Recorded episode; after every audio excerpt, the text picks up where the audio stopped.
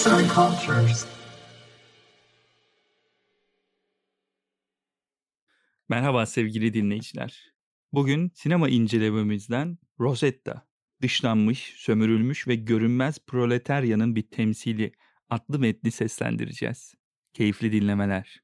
Yönetmenliğini ve senaryo yazarlığını Belçikalı Dan Danne kardeşlerin üstlendiği Rosetta, 1999 yılında seyirciyle buluştu. Cannes Film Festivali'nden Altın Palmiye ve en iyi kadın oyuncu ödülleriyle dönen film, 17 yaşındaki Rosetta'nın hayat mücadelesini anlatıyor. Filmin konusunun yanı sıra sinematografisi, filmi bu kadar çarpıcı ve gerçekçi kılan bir diğer etmen. Rosetta'nın omuzlarında taşınıyormuş gibi hissettiren kamera tekniği, onun hayatını ve verdiği kararları kendi gözünden görmemize yardımcı oluyor. Filmin konusuna gelecek olursak, Rosetta, alkolik annesiyle bir karavan parkında yaşıyor. Hayattaki en büyük amacı ve isteği normal bir yaşantı sürdürebilmek. Tıpkı herkesin yaptığı gibi. Rosetta için normal bir yaşam sürmek, bir iş sahibi olmak demek. Bu yüzden seyirci film boyunca Rosetta'nın yılmadan sürekli bir iş arayışına şahit oluyor. Film, Rosetta'nın fabrikadaki işinden kovulduğu sahneyle başlıyor. Rosetta işten atılmayı kabullenemiyor ve oradan ayrılmayı reddettiğinde onu fabrikadan zorla çıkarmaya çalışan güvenlik görevlilerine direniyor. Seyirci onunla o sahnede tanışıyor ve seyircinin Rosetta'nın karakteri hakkındaki düşünceleri hızla şekillenmeye başlıyor. Rosetta'nın bir iş bulmak ya da işini kaybetmemek için her şeyi yapacağı orada anlaşılıyor. Bundan sonrası spoiler içermektedir. Filmin sosyolojik analizi. Rosetta sosyal statüsü nedeniyle toplumdan dışlanmış bir kişi. Aslında o dışlanmış, sömürülmüş ve görünmez proletaryanın bir temsili. Kendisini o kadar görünmez hissediyor ki bir işte çalışmanın, toplumda görünür olmanın tek yolu olduğuna inanıyor. Bu yüzden annesinin bir başkasından aldığı balığı kestiğini görünce çılgına dönerek "Biz dilenci değiliz." diye bağırıyor ve annesini durdurmaya çalışıyor. Rosetta'nın bir sadakayı kabul etmesi söz konusu bile değildir. Çünkü kabul ederse toplumda olmak istediği konuma asla ulaşamayacak ve görünür hale gelmeyecektir. İşinden kovulan Rosetta, kapitalizmin vaat ettiği sözde normal hayatın kollarına düşmeden önce işsizlik maaşı alıp alamayacağını öğrenmeye gidiyor. Ancak aldığı cevap pek de iç açıcı olmuyor.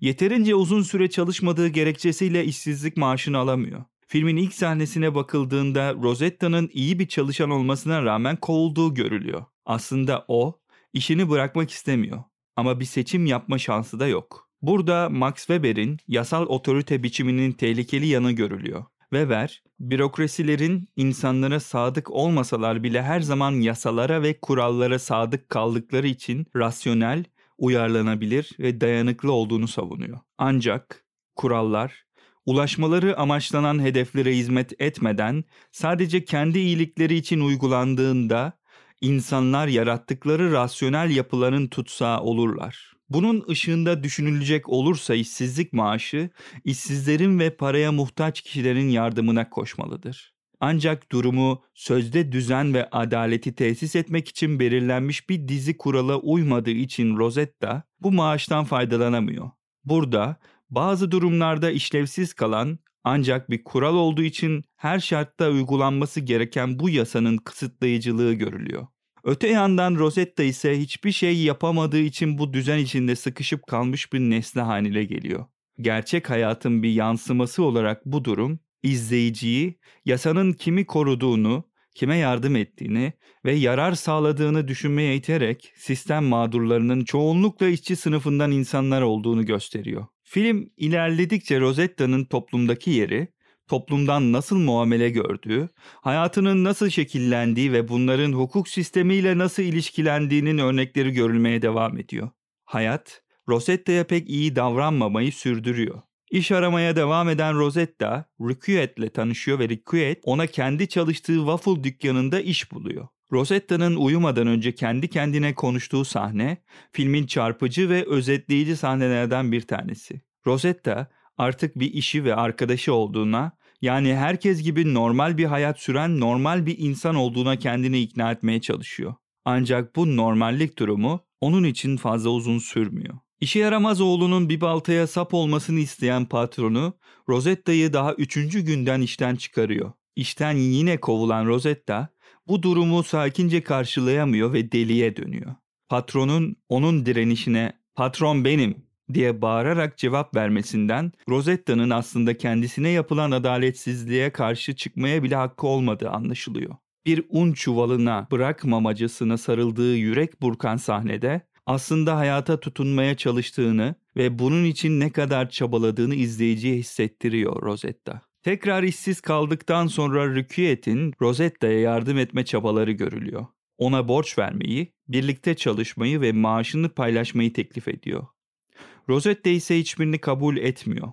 Çünkü onun tek istediği gerçek bir işte çalışmak. Ricuet, Rosetta'ya yardım etmeye çalışırken bataklığa düştüğünde Rosetta, bir anlığına bile olsa onun bataklıkta ölmesine izin vermeyi düşünüyor. Böylece Ricuet'in yerine geçip bir iş sahibi olabilir. Ancak o kadar zalim olamıyor ve yine de onu bataklıktan kurtarıyor. Onu ölüme terk edecek kadar zalim olmasa da Rukiet'in işini elinden almaya karar vermiş olan Rosetta kısa sürede işe koyuluyor. Tek arkadaşına ihanet ederek onun işini elinden alıyor. Rosetta'nın Buffalo büfesinde çalıştığı sahne gerçekten mutlu ve gülümserken göründüğü tek sahne olarak akıllarda kalıyor. Tam da bu noktada neyin yasal ve doğru, kimin haklı ve suçlu olduğu konusuysa tartışmalı olarak kalıyor. Rosetta, Rükiyet'i patrona ispiyonlayarak onun yaptığı illegal işi durduruyor ama bunu iyi niyetle yapmadığı açık. Amacı Rükiyet'in kovulmasını sağlayıp onun yerine geçmek ve bunu başarıyor. Bu ilk bakışta hukuken doğru olsa da etik dışı ve kötü bir davranış olarak algılanabiliyor. Dolayısıyla Rosetta seyircinin gözünde bir kötü karakter olarak tanımlanabilir. Ancak bir süredir onun bu zorlu hayatına çok yakından tanık olan seyirci için Rosetta'yı suçlamak pek kolay değildir. Seyirci bu noktada ona kızmakla acımak arasında kalıyor. Tehlikeli birey. Rosetta'nın durumunun bir açıdan Michel Foucault'un tehlikeli birey kavramı ile ilişkili olduğu düşünülebilir. İşçi sınıfının bir üyesi olan Rosetta, işsiz bir kişi olarak kapitalist sistemin tehlikeli bireyidir. Toplumun gözünde yabancılaşmış ve tehlikeli ilan edilmiştir. Adaletsizliklere gösterdiği tepkiler, işini bırakmamadaki ısrarı gibi uygunsuz davranışlar olarak algılanmaktadır. Ayrıca kadınlığı ve yoksulluğu nedeniyle de tehlikelidir. Filmde pek belirgin olmasa ve filmin odak noktası olmasa bile kadınların sistemin olası tehlikeli birey figürleri olduğunu söylemek mümkündür. Aslında bu durum Rosetta'nın annesinin durumuyla ilişkilendirilebilir. Alkollü içki karşılığında erkeklerle cinsel ilişkiye giren alkolik bir anne olarak topluma yabancılaşması, onun doğuştan gelen kötü kadın içgüdüleri kendi sonunu getiriyor. Annesine ne kadar kızgın olursa olsun Rosetta, onu kucaklayan ve ona yardım etmeye çalışan tek kişi. Ancak içinde yaşadığı toplum ve sistem onun annesine yaptığı gibi Rosetta'yı kucaklamaya pek istekli görünmüyor. Sonuç olarak Rosetta, Rukiet'in kovulmasına neden olduktan sonra Rukiyet onu takip etmeyi asla bırakmıyor. Onu rahatsız ettiğine ikna olana kadar motosikletiyle sürekli etrafında dönüp duruyor.